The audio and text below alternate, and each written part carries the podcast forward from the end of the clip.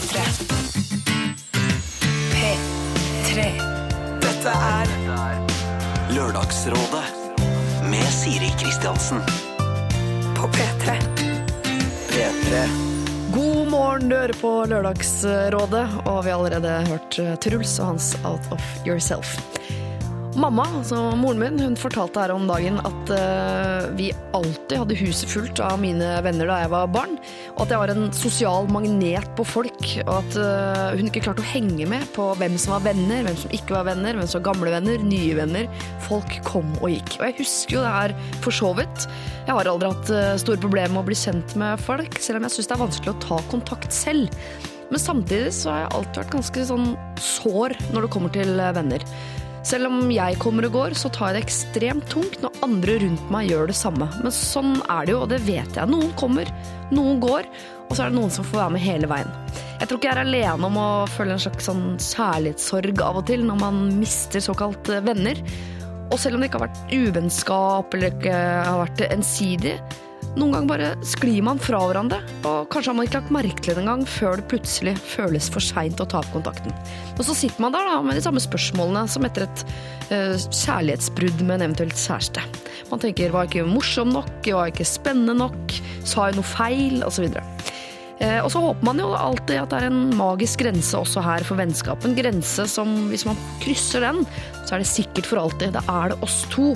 Bare man har vært venner lenge nok, hatt det gøy nok, osv. Men sånn er det jo heller ikke. Til og med uh, mutter'n, ja sikkert bestemor om hun hadde levd, holder på med dette her fram og tilbake. Venner, nye venner, gamle venner, brudd osv. Vi har fått en mail fra en som kaller seg Vigoline. Hun ber om råd til hvordan hun kan få innpass i eh, gjengen til bestevenninnen sin, som hun går godt overens med, men hun føler ikke at hun slipper helt til. Det skal vi ta litt uh, seinere, men først tenkte jeg vi skulle få en liten eh, oppsummering, eller tilbakeblikk, på et eh, problem vi har tatt eh, tidligere. Det Vi får høre hvilket det er, etter eh, You've Got The Love. Lørdagsrådet. På P3. P3. Florence and the Machine var det der, og deres You've Got The Love. I våres så øh, hadde vi lørdagsråd sammen med Gaute Grøtta Grav, Solveig Kloppen og Audun Lysbakken. Og i bassenget av gode problemer så dukket det opp øh, ett fra en øh, jente som hadde mistet kontakt med bestemoren sin etter at de hadde krangla. Og hun hadde lyst til å ta opp kontakten igjen, men visste ikke helt hvordan eller når eller hvor. og i det hele tatt. Vi skal høre noen av rådene hun fikk. Kjøp blomster, kjøp konfekt, bank på og si 'jeg er glad i deg, bestemor'. Det er veldig sjelden folk er så bitre som gamle folk kan være. Oh. de kan være sure, og de kan være sinte lenge.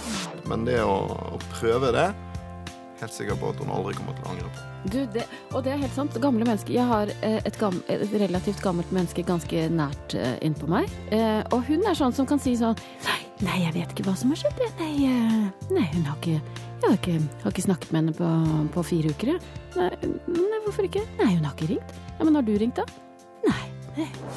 Men du, dette med blomster og konfekt, hvorfor må vi ha med oss det? For det det liker de gamle. Nei, de gjør ikke det. Jeg tror jeg hater blomster og konfekt. Er det noe jeg har nok av, så er det blomster og konfekt. De får jo bare det. Dette er Lørdagsrådet.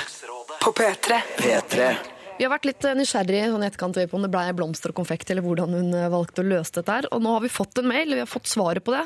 Jeg skal lese. Hei igjen, kjære Lørdagsrådet. Jeg sendte inn problemet mitt i vinter, eh, som handlet om min bestemor som krangla med meg og ikke ville snakke med meg mer. Jeg hørte på rådene dere ga meg, mye bra. Men så var det min bestemor, da. Hun ville ikke si noe til meg uansett hvor mye jeg prøvde. Det gikk enda noen måneder til hun hadde bursdag. Hele min familie var invitert, utenom meg. Da bestemte jeg meg for å komme allikevel. Jeg trappet opp på døren med favoritthårsprayen hennes innpakket. Hun åpnet og ble stum. Jeg sa gratulerer med dagen med et stort smil og ga henne en klem. Min bestemor slapp ikke taket og begynte å gråte. Jeg ga henne gaven og fikk komme inn på kake. Etter denne dagen har vi snakket mer sammen, ikke like mye som før, men det blir bedre for hver dag. Vi har savnet hverandre, og jeg elsker min bestemor av hele mitt hjerte. Ah, Det blei altså ikke konfekt og blomster, men det blei da en hårspray, og det virker som om det fungerte enda bedre. Og det er veldig koselig å høre. Altså. Vi elsker å få disse oppdateringene på hvordan det går med dere. Vi skal faktisk ha mer litt sånn pensjonistproblematikk litt senere. Vi. Eh, Denne gangen er det en eh, mormor eh, som står i fokus. Men det er først seinere i dag, altså. Rådgiverne er på plass her i Lørdagsrådet. Og eh, velkommen og god morgen, skuespiller og programleder Line Verndal. Eh, Takk, takk, takk. Og så har vi med oss journalist og programleder Christian Borch. God dag, god dag. Kunne sagt så mye mer. altså. Padler og maler, og lista er lang. Motorsyklist. ja. Og vi går videre til komiker og eh, jeg sier nybakt mor fortsatt, Sigrid Bonde Tusvik. Tusen takk. Dere har vært der før, alle tre. Ja. Så dere vet jo hva vi driver med her, men jeg syns vi allikevel skal ta den runden vi alltid tar, som går på dette med sivil status. Altså eh, barn, mann, hytte, eh, dyr osv. Mm. Eh, vil du begynne, Line? Eh, ikke dyr. Eh, barn, eh, datter syv år.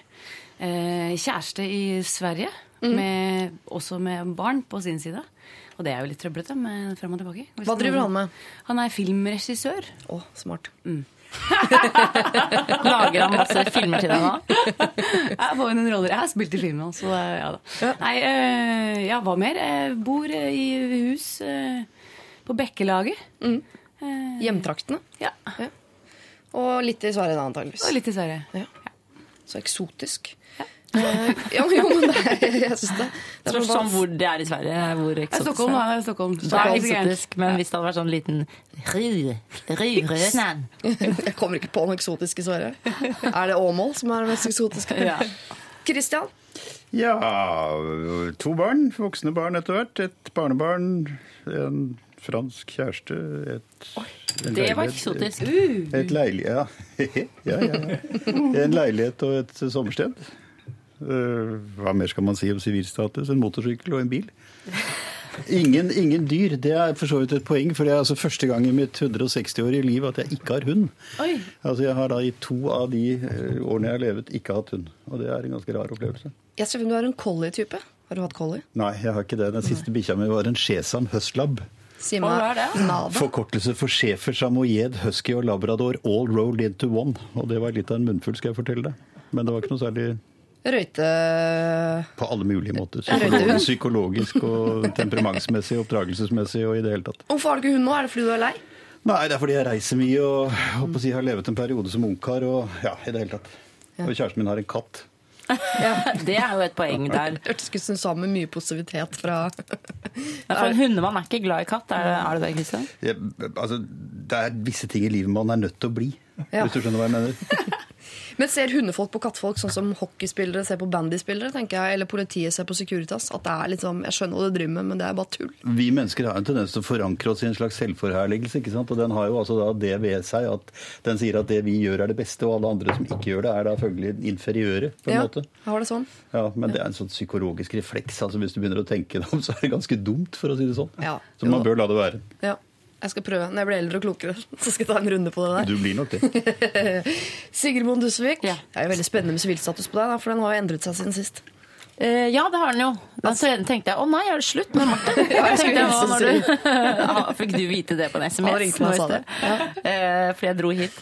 Eh, jo, jeg har jo fått et barn. Ja. Ett barn, da, valgte jeg, valgte jeg få? Jenny. Jenny hun skal bli født på TV i september. Stakkars. Så hun kommer til å bli narkoman når hun blir stor. Fordi, fordi hun kommer til å liksom få sånn vanskeligheter med at hun har vært på TV så liten. Ja. De, har de filma fødselen din? Ja, det har de. Det blir et helvete for folk. Men ikke for deg selv? Nei, nei, nei. Det, jeg har jo vært med i klippen. Ja. Så jeg har lagt på sånn fint filter og Nei da. Men det er veldig fint. eh, Eller det er jo vondt å se på. Skal egentlig ikke se på sin egen fødsel etter at du har født, Fordi da har du ikke så lyst til å føde etterpå igjen. Men eh, det går bra. Men så Er det for eh, tidlig med et ordspill? Nei, nei, kjør på. Skal serien klippes eller revnes? Ja, den er fin. Den er ikke så dum. Den skal jeg bruke i VG-helg hvis de ringer. Da skal jeg ha fem kroner. Og så er jeg sammen med Martin, da, fremdeles. Ja. Og nå er jeg sammen med på en måte to Martiner, fordi hun Jenny ligner jo altså på en prikk på sin far. Ja. Så jeg tviler på at jeg faktisk er mor. Hvis jeg ikke hadde født henne, så hadde jeg tenkt sånn Det her er ikke min unge. Du er sikker på at det er en jente? Nei, det er jeg også litt usikker på når hun er påkledd. Ja. Hun ser jo ut som en blanding av Gollum og Sigvart Dagsland på håret. Og, og Han synger fint, da. Ja. Så jeg håper det blir det. Og så er du i ferd med å flytte fra leilighet og inn i hus. Det har vi også tenkt til å gjøre opp til Line Verndal, vet du, opp mot Nordstrand. Opp Man må jo bli en eh, man må, altså Hvis du får et barn nede på Løkka, så tenker man ok, her er det så mye trendy unger. Nå må vi komme opp på Nordstrand sånn at ikke de kommer til å se en innvandrer før de fyller 18 år. Så det er det vi, det er det vi tenkte. Sånn at det blir spennende å dra til Grønland. Ja. Eh, du er jo nybakt eh, foreldre, og så har vi to erfarne, eller tre faktisk, hvis jeg regner med meg selv. Er, det noe råd vi kan gi bare for å sette i gang liksom, rådemaskineriet? Veldig gjerne. Er det noe råd vi skal gi til Sigrid? Sånn umiddelbart. Ja. jeg så du var litt sånn stressa i sted når du kom med den babyen. Eh, Slapp ja. ro deg ned. Ja, ikke sant? For ellers så lukter ungen stress. Eller, vet. Veldig fort. eller er, altså. det, er det for deres andres del at jeg ikke skal være så stressa? For alle, kanskje. Men, eh, men eh, barn merker stress veldig Det er lett å si, da, selvfølgelig. Jeg tror, jeg tror faktisk unge lukter stress. at De merker, altså de har jo et sanseapparat som går utover det som liksom kan fornemmes med hodet. så De Ja. merker sånne ting som dette her. Så jeg håper å si, ta det mykt og vakkert og varmt. Det er ikke lenge til hun kommer til å stå og banke rasende på døren og forlange å få bilnøklene. Har du stressa pappa, Kristian? Nei, det var jeg ikke. Har du den roen som du alltid liksom bringer med deg inn i et rom?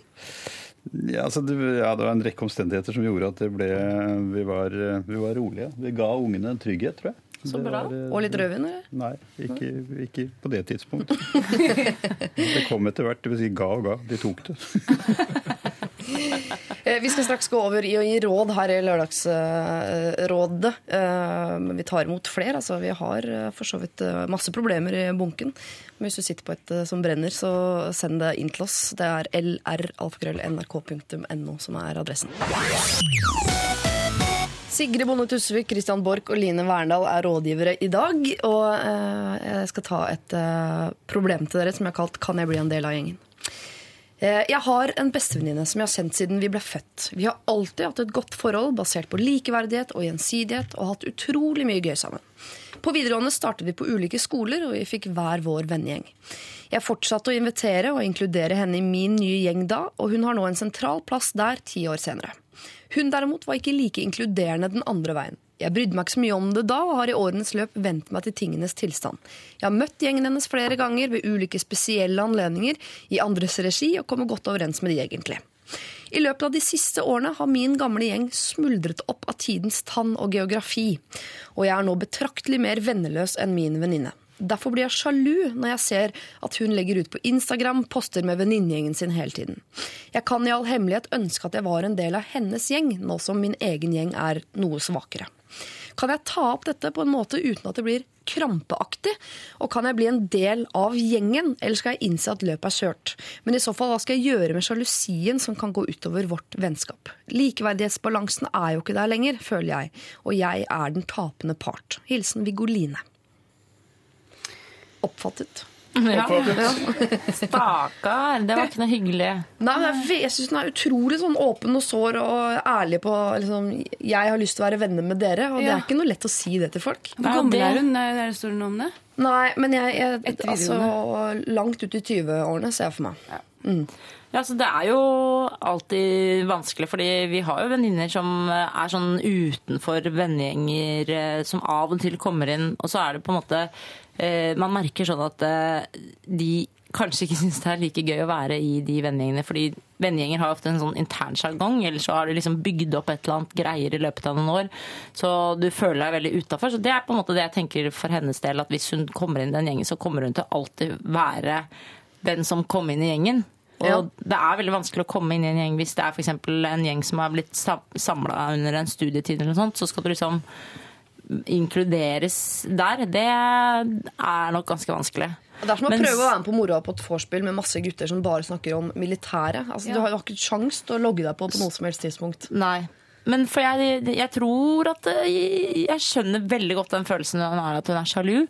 Ja. Og det er jo ikke noe bra i det hele tatt, for da, da blir det grining. I hvert fall hvis du er på vorspiel.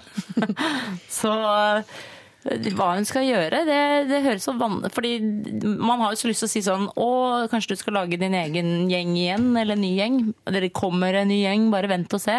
Det er så dust å si, fordi den tida leger alle sår. eh, er så det er så dårlig råd. Dårlig råd.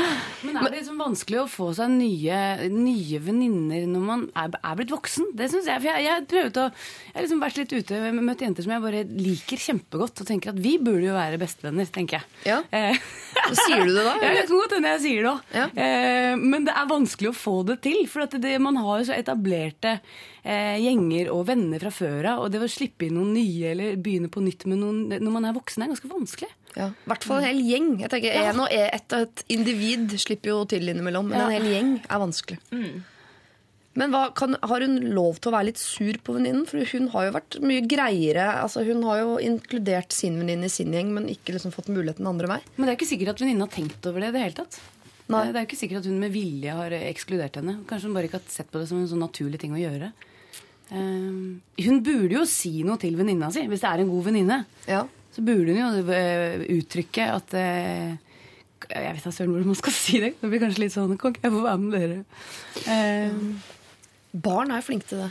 Ja, Bitte små barn er flinke. jeg vil være med å leke. Ja, De går rett på sak. Ja. Så går du til barnehagetanta, så ordner det opp. Ja. Altså, vi, snakket, vi snakket om dette med alderen. Altså, jeg var også i ferd med å, spørre om det. for at eh, Du sier at det går an å si liksom at tiden leger alle sår. og Det er selvfølgelig helt idiotisk å sitte her og si, men det gjør den faktisk.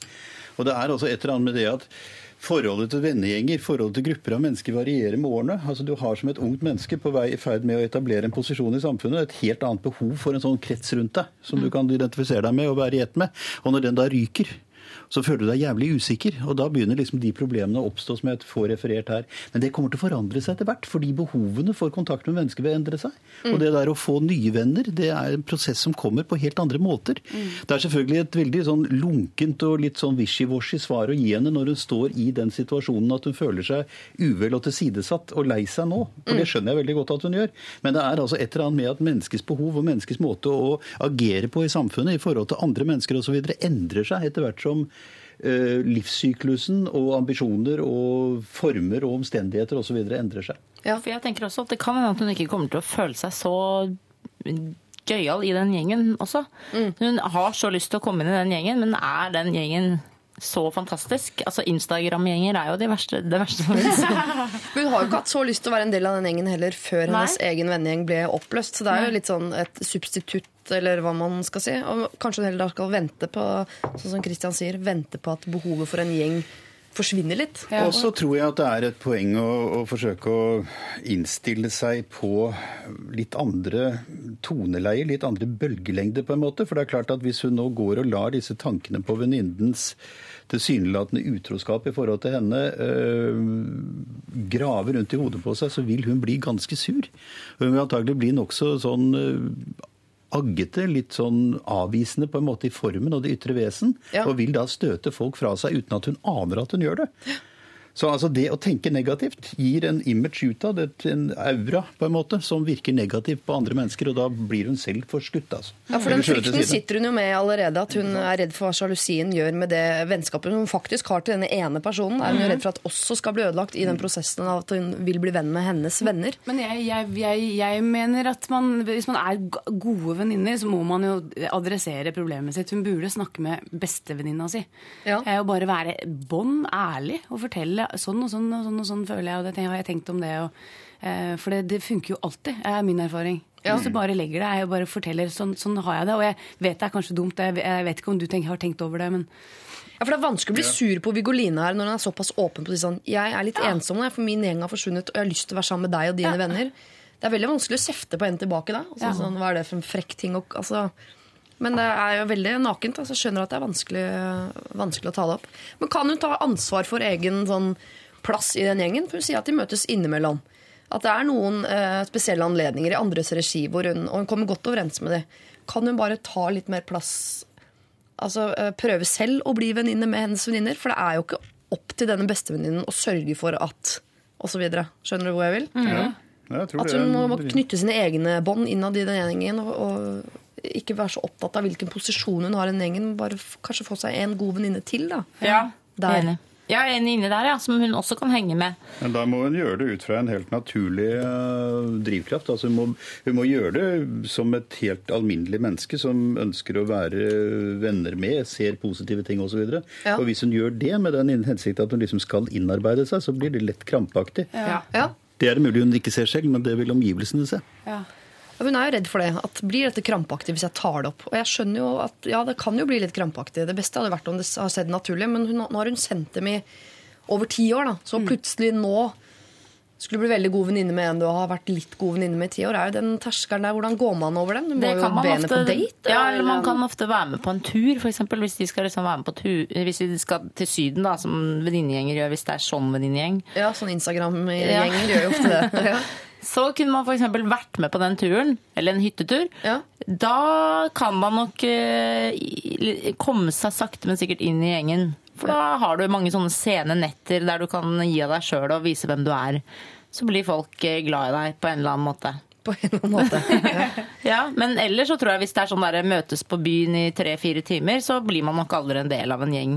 Nei. Da er man hun venninna til venninna i, i gjengen. Ja. Så du må smiske deg inn på en tur.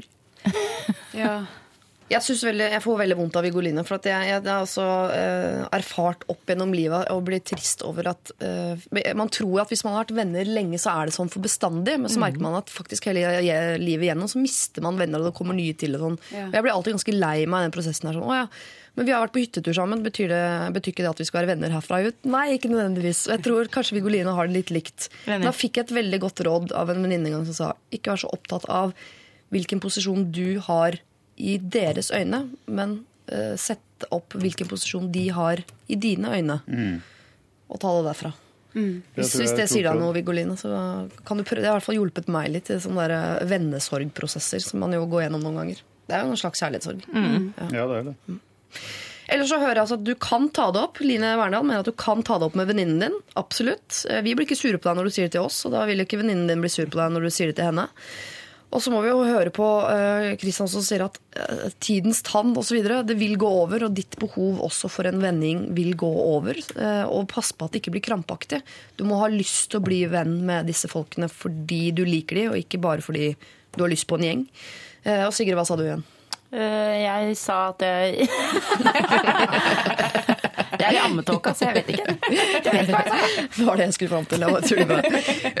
Lykke til, Vigoline. Jeg er helt sikker på eh, Vi er i hvert fall fire stykker her som liker deg veldig godt, så det er ikke noen grunn til at du skal føle deg som, eller kalle deg som Vigoline. Line. Det regner jeg med at går over eh, ganske snart, Line, og at du går tilbake til å hete Line. Dette er Lørdagsrådet På P3. P3. Line Verdal eh, sitter med Du er veldig fin med briller. Ja, takk. Ha, pleier du å ha briller? Det er ikke styrke i de. Jo, det jo. Jeg pleier å ha linser eller briller, men ja, nei, det er ikke så ofte briller, kanskje. Kjempefine. Takk. Christian Borch, du sitter og tegner sånn som du pleier. Ja, Det altså, skjer uten at jeg vet hva jeg gjør. Jeg, Nå har du laget en uh, liten maskin. Å nei, nå er det sånn som barn i barnehagen er. Med en gang jeg sier at du tegner, så, så river du det, og så legger du det vekk så ikke jeg kan se. Nei, men det var fordi Den er jeg, var ikke satt ja, ikke Den var ikke det. ferdiglaget. Å nei, unnskyld. Jeg skal ikke Jo, nei. Hvem er det du skal gi den til i nyhetene? Eh, Hvem er bestevennen din Atle? Bjurstrøm fortjener en tegning. Han jobba mye sånn. Hvem? Atle Bjurstrøm. Hva tror du han vil si hvis jeg kommer og ga han en tegning? Han vil tro at du prøver å sjekke han opp. Nei, du må gi Seksuell trakassering, sier han. Oh, ja, ja, ja. Er han singel, forresten? Jeg bare vet at det er mange som hører på, som lurer. Hvem da? På, det er mange av våre lyttere som lurer på om Atle Bjurstrøm er singel. Altså, han ser litt sånn ut på håret. Ja. Da går vi for ja på det. Eh, Sigrid, du sitter også og tegner, men det, de der greiene der jeg Jeg er tegner piler. De Ja. trenger du kanskje ikke. Vi tar et problem fra en gutt på 24 som skriver at uh, jeg og kjæresten min har vært sammen i fire år nå, men ca. 95% av tiden har vi tilbrakt i langdistanseforhold grunnet studier. Problemet har egentlig oppstått nå i senere tid, etter at jeg flyttet til utlandet og hun fortsatt er på samme sted. Nytt land betyr jo nye venner, og har vært mye mer ute og drukket med disse vennene. Jeg skal innrømme at jeg ofte får lettere kontakt med jenter enn med gutter, og av den grunn har jeg en del jentevenner her jeg er nå. Men sånn har det alltid vært, og sånn var det også i Norge. Dette har ført til at kjæresten min er mye mer redd for at jeg skal finne noen andre, eller som hun selv sier, at de skal bli sjarmert av meg. Det hele toppet seg for et par uker siden, da jeg dro på en middag med noen gode venninner, og jeg endte opp på vin og kos til klokka ni om morgenen. Når hun fikk vite dette, ble det tårer og tenners gnissel, og jeg følte meg som en skikkelig dårlig kjæreste som kunne gjøre noe sånt. Da jeg er fast Lørdagsrådet-lytter, får dere litt tilleggsinformasjon. Tusen takk. Eh, jeg har aldri vært utro og stikker ikke tunger eller annet der det ikke hører hjemme. Å slå opp er heller ikke et alternativ, da jeg elsker henne. Jeg forteller alltid sannheten og holder ikke ting tilbake, men forteller gjerne i detalj om skitprat hvis hun vil høre. Håper dere kan gi noen tips om hvordan jeg kan få henne fornøyd uten å måtte ta livet av min sosiale omgangskrets. Gutt 24. Jeg, altså, jeg, jeg ikke henger for mye opp i den setningen 'vin og kos'. Jeg tror ikke det har vært, altså, jeg tror det er kos i den, at jeg har hygget meg. Jeg tror ikke det er liksom kjeling. Altså, sånn kos. Men der tror jeg faktisk eh, problemet ligger. At han ringer dama si og sier 'Jeg har vært på vin og kos til klokka ni i dag morges'. Så tenker jeg, er du helt tjukk i huet? Det er jo min regel alltid her i Lørdagsrådet, er ikke si ting til kjæresten din. Ja.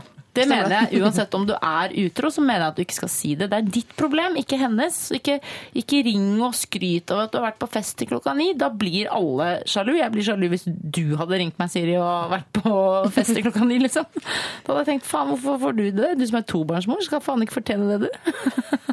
og det samme her. Han bor i utlandet. Eh, selvfølgelig er hun sjalu på det allerede, og så jævlig irriterende at han har masse jentevenner. Da vil det jo si at han er en dødssjarmerende fyr, og er sånn pratefyr. Eller en helt ufarlig fyr som ingen noensinne blir forelsket i. Som er veldig lett å være kamerat med da. Ja, men samtidig så er han liksom da tydeligvis en sånn jente liker, og da, som kanskje ikke er noe veldig flørtepus. Men da tenker jeg at uh, her uh, syns jeg han burde oppføre seg litt uh, Altså det er ikke noe galt med henne, det er helt naturlig for henne at hun er sjalu på deg, men uh, han må jo ikke drive og fortelle absolutt alt, for da det bare trigger jo til sjalusien. Så kan han heller si det en gang når de skal gifte seg og har vært sammen da i 20 år, så sier han jeg husker den ene gangen, husker du da jeg bodde i utlandet, da var jeg en gang på en sånn fest helt til klokka ni. Det var vin og kos. Og da kommer hun til å gi faen i akkurat det, for da er hun 55 og gir beng. Så han skal fortsette akkurat som før, og hun skal fortsette akkurat som før. Han skal bare eh, han si litt henne. mindre. Så hvis han er på fest i ni, så sier han heller eh, at jeg var der til elleve på kvelden. Og så gikk Ja. hjem. Hvorfor altså må han altså si det, liksom? Ja. Men hvis, hvis hun er vant til at han sier det, så blir jo det også veldig Da blir det jo enda Hvis plutselig så begynner han å slutte å fortelle, da blir hun jo sikkert enda mer mistenksom. Ja. Tror du ikke det? Jo, det tror jeg. Ja, nei, det var bare en fest. Nei da, det var ikke noe. Nei, gikk men, en til, eh, ja, du må skjønner meg. Ja, men han sier da at han var ute kjempelenge, men han trenger ikke å si at det bare var jenter der og at det var vin vin og kos. Han er tydeligvis en fyr som ordlegger seg sånn. Da ber du om bråk, da. Ja. Jeg er ikke sikker på dette. her. Altså, jeg tror eh, prinsipielt ikke på uærlighet. Altså, Fortelle en annen historie enn det som faktisk har skjedd, backfires på et eller annet tidspunkt. Det får du tilbake for full guffe. Jeg tror denne mannens problem er at han forstår ikke helt eh, denne kvinnens følelser. Altså, Er hun sjalu, så er hun grepet av en, eh, en slags sånn indre eh, en skade, på en måte, for det er en forferdelig sterk følelse, og den er han nødt til å ta alvorlig på en helt annen måte enn dette. Ja. Altså han, eh, Det går det kanskje at han sitter og har vin og kos med en masse jenter frem til klokken ni om morgenen. Det høres for meg helt idiotisk ut.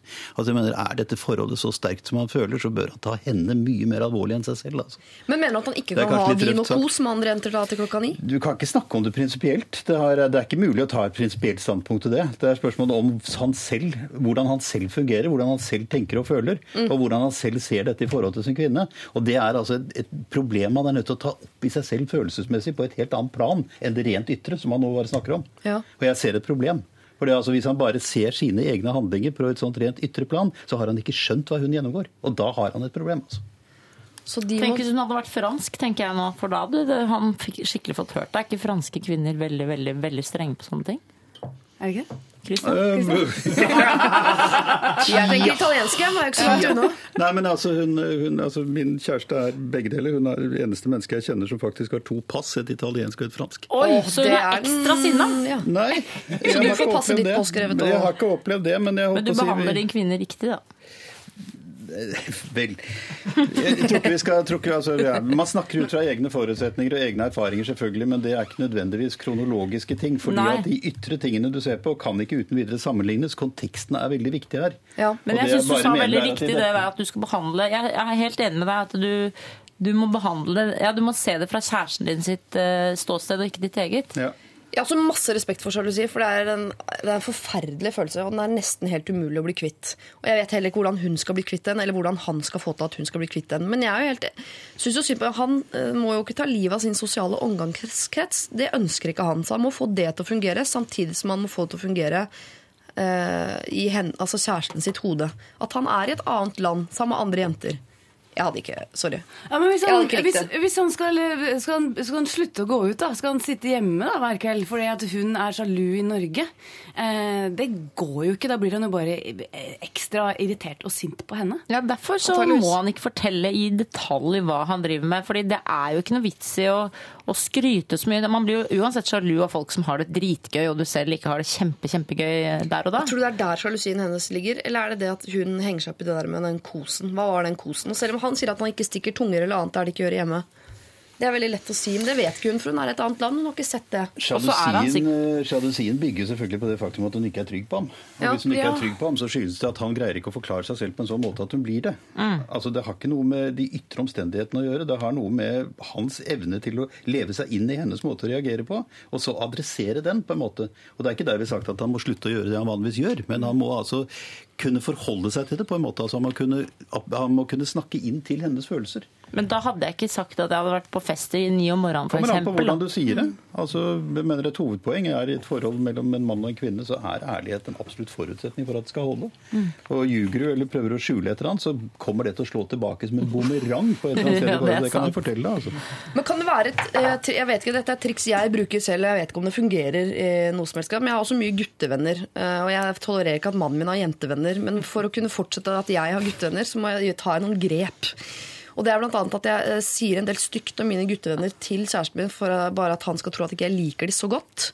Eh, og så snakker jeg mye om hvor forelska de er i sine kjærester, og at de har lyst på barn. Altså, jeg, gjør, jeg gjør de om til sånne vesener som ikke er gutter. jeg mener? Ja, ja, Jeg bare bruker mye tid på å snakke om disse menneskene på en måte som gjør at da min kjæreste skal skjønne at dette er ikke noe du liker, i hvert fall. Så Mhm. at dere er venner, er mer eller mindre tilfeldig. Skjønner dere greia? Ja, det er trikset. Kan det være et triks? At han snakker litt sånn åh, at det nye, hun er jo helt håpløs, hun dama snakker. Hun er jo så forelska i Andres. Ja, ja, ja, ja. Eh, altså, at han Ja. snakker om deres problemer som om sånn at de høres ut som venninner, da, og ikke jentevenner. Enig. Det er et triks. For det er jo også Kan det være nødvendig å bruke triks Ja, ja. i et forhold til en kjæreste? Ja, det, Man må være litt tryllekunstner for å få det til å funke. Ja, særlig hvis du er 20. Ja. Jeg vet jeg blir veldig usikker når du spør, Kristian. For du, uh... Nei, altså det er enhver form for pynting av sannheten for å oppnå effekter osv. har en tendens til på et eller annet sted å krakelere. For det er altså å bygge opp en falsk forståelse, en falsk identitet i forhold til den kvinnen du som han sier elsker. ikke sant? Det er det Ja, han gjør. ja. Det er et eller annet med det at du, du må altså ikke drive og pynte på virkeligheten, pynte på deg selv, pynte på dine egne handlinger, ljuge, finne på triks, som du kaller det. Ja. Men du må greie å snakke om tingene på en sånn måte at du utvikler en forståelse. Ellers vil ikke dette forholdet kunne bli noe. åh, nå ble jeg usikker på både dette Det er problemet og mitt men eget altså, liv. Ja, ja, ja, det- det- nå må jeg, nå må jeg og revurdere alt. Det fins ingenting i dette liv som er statisk. Alt er en kontinuerlig bevegelse, en stadig utvikling på et eller annet sett og vis. Et forhold mellom en mann og kvinne kan ikke utvikles riktig med mindre man har absolutt ærlighet og åpenhet. Ikke nødvendigvis slik at man treffer hverandre i ansiktet med brutale sannheter, men at man greier å kommunisere med dem på en sånn måte at man forstår hverandre og hverandres beveggrunner. Og hvis det ikke er noen grunn til sjalusi, så må han kunne formidle det at det ikke er grunn til sjalusi, ved noe annet enn å ljuge om sine handlinger. Det er helt er riktig. helt enig, Oi, oi, siden, oi, så klokt. siden han er gutt 24, så tenker jeg eh, hør på det Christian sier, men siden han er 24, så kan du godt eh, nå prøve å feile litt med å gi noen triks og, og kanskje ljuge litt og holde på med det greiene der. og så antagelig så fungerer ikke det, og så beveger du deg i retning av dette som Christian etter hvert har skjønt. Ja. Eh, og så kanskje da, når du har en ny kjæreste en eller annen gang, så fungerer det der kjempebra. For da kanskje dere bor i samme land osv. Eh, lykke til. Du sier det jo selv. Du vil ikke ta livet av din sosiale angststress. Det skal du slippe. Hun kommer alltid til å være sjalu, men da må du på en eller annen måte jobbe med å, eh, at hun skal bli så trygg på deg som det du er på en eller annen måte. da. Lykke til! P3. Dette er Lørdagsrådet med Siri Kristiansen. Vi er eh, tre kvinner her i dag og en eh, mann. Kristian Borch heter han. Kvinnene er Sigrid Bonde Tusvik, Line Verndal eh, og meg selv, Siri Kristiansen. Og det går veldig bra, syns jeg. Trives du i sånne selskap, Kristian? Veldig godt. Du gjør det? Så hyggelig. Uh, Vi koser oss, vi også, selv om vi noen ganger føler oss litt sånn satt på plass. fordi- Ja, vi ble, ja. ja. Ja, satt vi må på hjem plass, og men vi skjerpe oss. alle Men altså, det har ikke noe med kjønn å gjøre, det har noe med alder å gjøre, tror jeg. Ja, det, er, Ikke sant? Alderens enorme vekt og visdom. det er så dårlig gjort at man blir så klok eh, etter hvert. Ja. Derfor jeg alltid man har gleda meg til å bli voksen. Det er så deilig. Men så tenker jeg nå er jeg voksen, og så bare nei da. Så møter jeg Christian, så tenker jeg nei faen, jeg er ikke voksen ennå. Må skjerpe meg enda mer. Jeg har alltid tenkt at 33 er den perfekte alder, men det var litt skuffende når jeg først kom ut. altså, for å være helt ærlig. Nå tenker jeg 40. Nå tenker jeg 40. Vi skal ta et, øh, et slags problem, men her har vi liksom muligheten til å, å sørge for at vi får et nydelig par i andre enden. Eh, Hei, jeg skal prøve å gjøre dette kort. Jeg har etter et langt forhold som eh, endte for over et år siden i eh, brudd, hvor jeg på en måte var den tapende part. Det var en stygg krasj, kan man si. Og siden da har jeg egentlig vært eh, inaktiv og uinteressert når det gjelder jenter og damer. Men så skjedde det noe. Jeg har møtt en ufattelig nydelig og flott jente-dame. En eventyrprinsesse. Bare forestill dere noe helt utrolig. Gang med 200 og legg på en null, så har dere denne jenta. Sikkert én av syv milliarder. Uansett. Jeg møtte henne gjennom jobb, og vi fikk umiddelbart en god tone. Og eh, en kort historie gjort kortere. Nå har jeg klart mot alle odds å få til en date med denne jenta. Var egentlig ikke så vanskelig, sett fra mitt perspektiv. Valg fra øverste hylle, hurra. Det eneste er at det er nesten ti år siden sist jeg var på date. Mitt ubetydelig lykkerusproblem går som følger. Hva gjør jeg for virkelig imponere denne jenta? Hva er den perfekte date? Jeg har lyst til å skape noe perfekt, i et uforglemmelig inntrykk for henne. Og helst uten noe følelse av at jeg tar for hardt i, eller på noe som helst måte eh, at det skal være en money show-off-date. Hva er det jeg kan gjøre for å få enda større sjanse på denne jenta? Nå skal det sies, selv om det høres ut som jeg er 200 år, at jeg er jeg bare like over 30-åra, og hun er midt i 20-åra. Takk for tiden deres.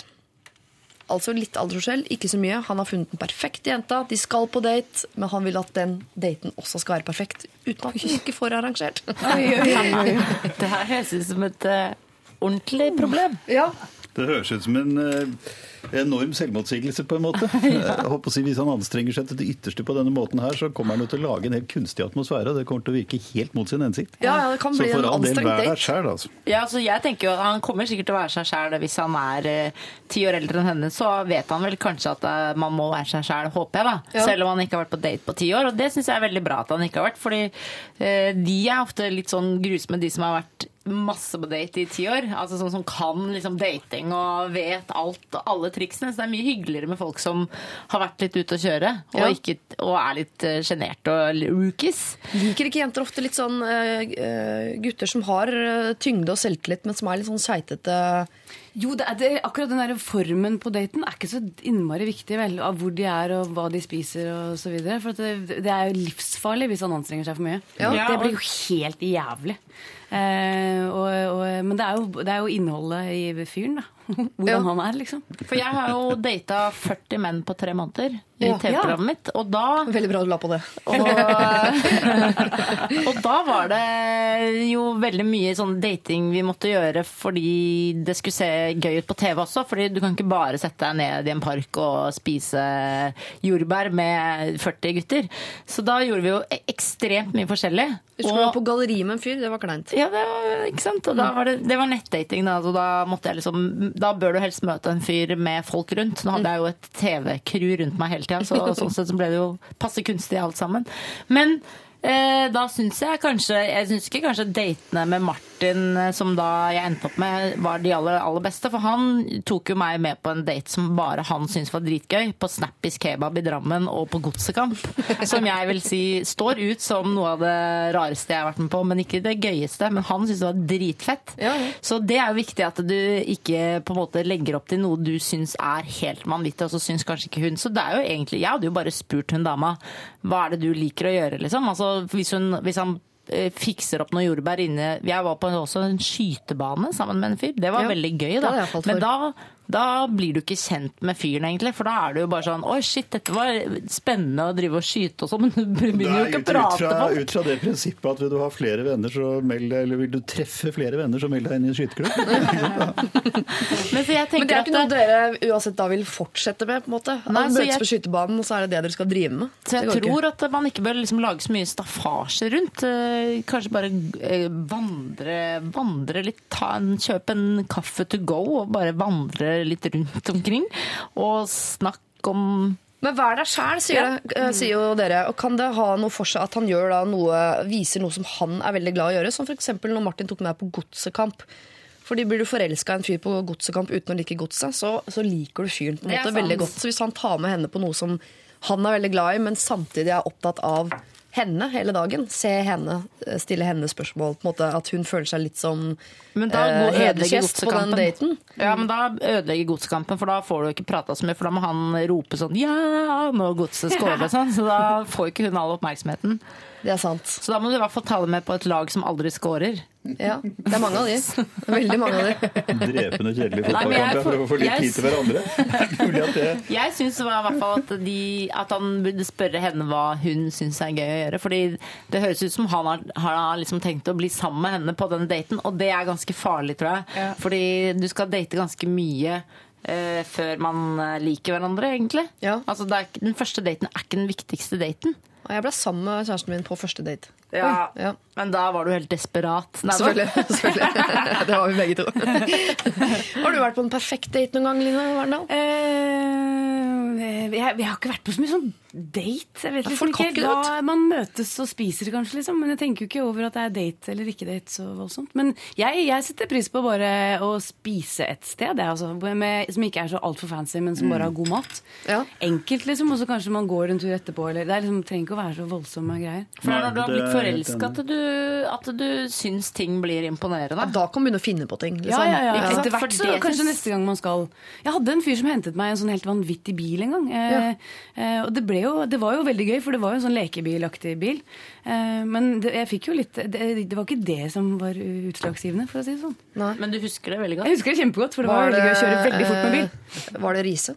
Nei, det var det ikke. Det hadde gjort inntrykk uansett da, hvis Jon Arne Riise dukket opp på en date. Med deg. Men jeg tror nok akkurat det poenget med å gå ut og spise et hyggelig sted, eh, litt sånn upretensiøst, er en veldig god idé. For de kjenner hverandre jo åpenbart ikke så veldig godt foreløpig. Og det er jo en måte å bli kjent på. Small talk. Hvor du åpner sider av din egen personlighet og finner sider av hennes personlighet. Og ja, ta det litt rolig, tror jeg. Litt forsiktig. Et sted man har muligheten til å prate, men hvor det også skjer noe, så det blir ikke sånn ordentlig kleint. Man kan stoppe opp innimellom, for de kommer jo bort og spør hva du skal ha. Altså, det er Ja. noen sånne ting som skjer. Ikke hjemme hos deg selv, liksom. Det Nei. er ordentlig kleint. Da, da er jeg helt angst hvis Når jeg var først er hjemme. stille, da, så er det helt stille. For jeg tror liksom kjærligheten kommer til å dukke opp over kaffekoppen i kantina etter den daten.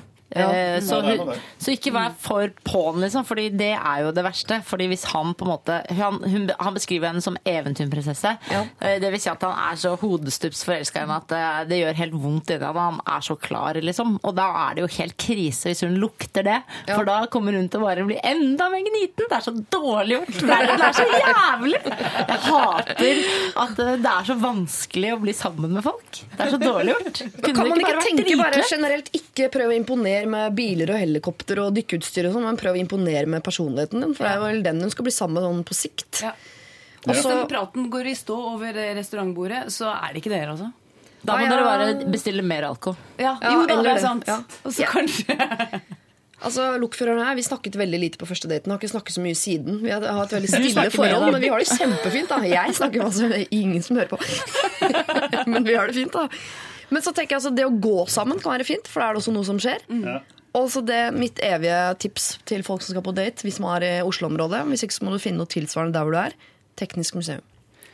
Ja, det Jeg er ikke si galleri eller museum, for det er dritkjedelig. Ikke gå og se på noe sånn Munch eller noe annet. eh, Men, men bare eh, på teknisk museum hvor det er masse ting å prøve. Du skal pumpe du- for å se vann. Altså, Der er kan du trykke ting. på knapper. Trykke på knapper, ja. Sånne ting. Jeg forbinder det med barn, det der teknisk museum for meg. Ja. Ja, men da må du bevege deg oppover etasjene. Ned i kjelleren der. For mye barn. Eller Snappis kebab i Drammen, da, som tydeligvis funka for meg. Det funker selvfølgelig. Eh, spis god mat.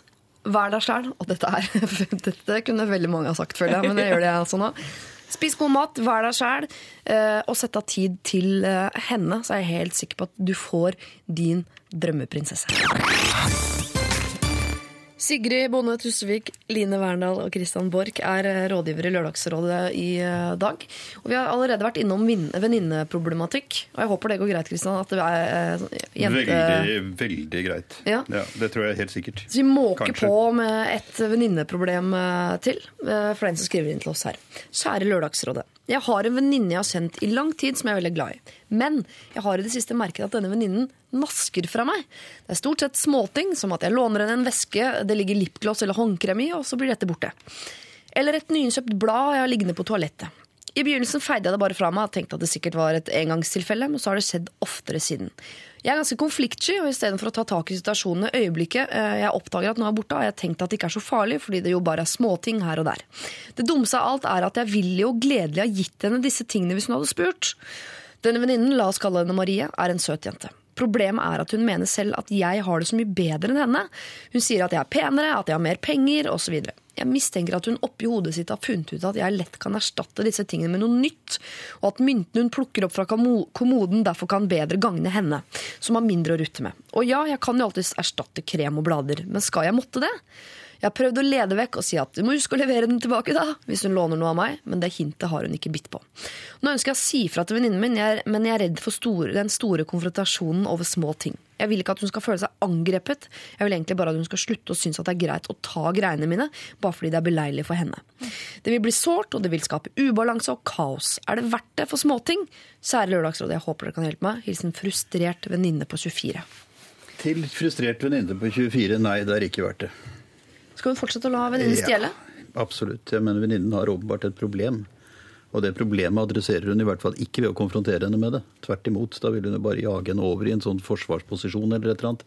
La det fortsette å skje. La det fortsette å føle deg frem. Simpelthen å se hvordan dette utvikler seg. For det er klart, venninnen har et problem. Og hun trenger hjelp. Hun trenger ikke noen konfrontasjon. Men så her går det ikke for full åpenhet og ærlighet. For hvis de er gode venninner, så burde hun jo da hjelpe henne med dette problemet. Nei, jeg tror ikke det. Fordi at det vil, altså hun vil jo prøve å beskytte det problemet sitt. Altså hun vil jo fornekte de tendensene hun har til å være sånn småkleptoman. Hun vil, eh, har jo helt sikkert ikke akseptert dette selv. Hun ser det ikke selv. Hvis hun konfronteres med det utenfra, så vil hun lukke seg. Ja. Og sperre seg inne i en forsvarsposisjon, og da vil atskillig galt være oppnådd istedenfor noe riktig. Så jeg tror jeg i hennes tilfelle ville la dette her skje med forsiktighet, og så føle meg frem. Og prøve Inntil hun finne stjeler bilen hennes. ja, det, det kommer hun ikke til å gjøre, det kan jeg garantere deg. Dette her kommer til å gi seg av seg selv etter hvert.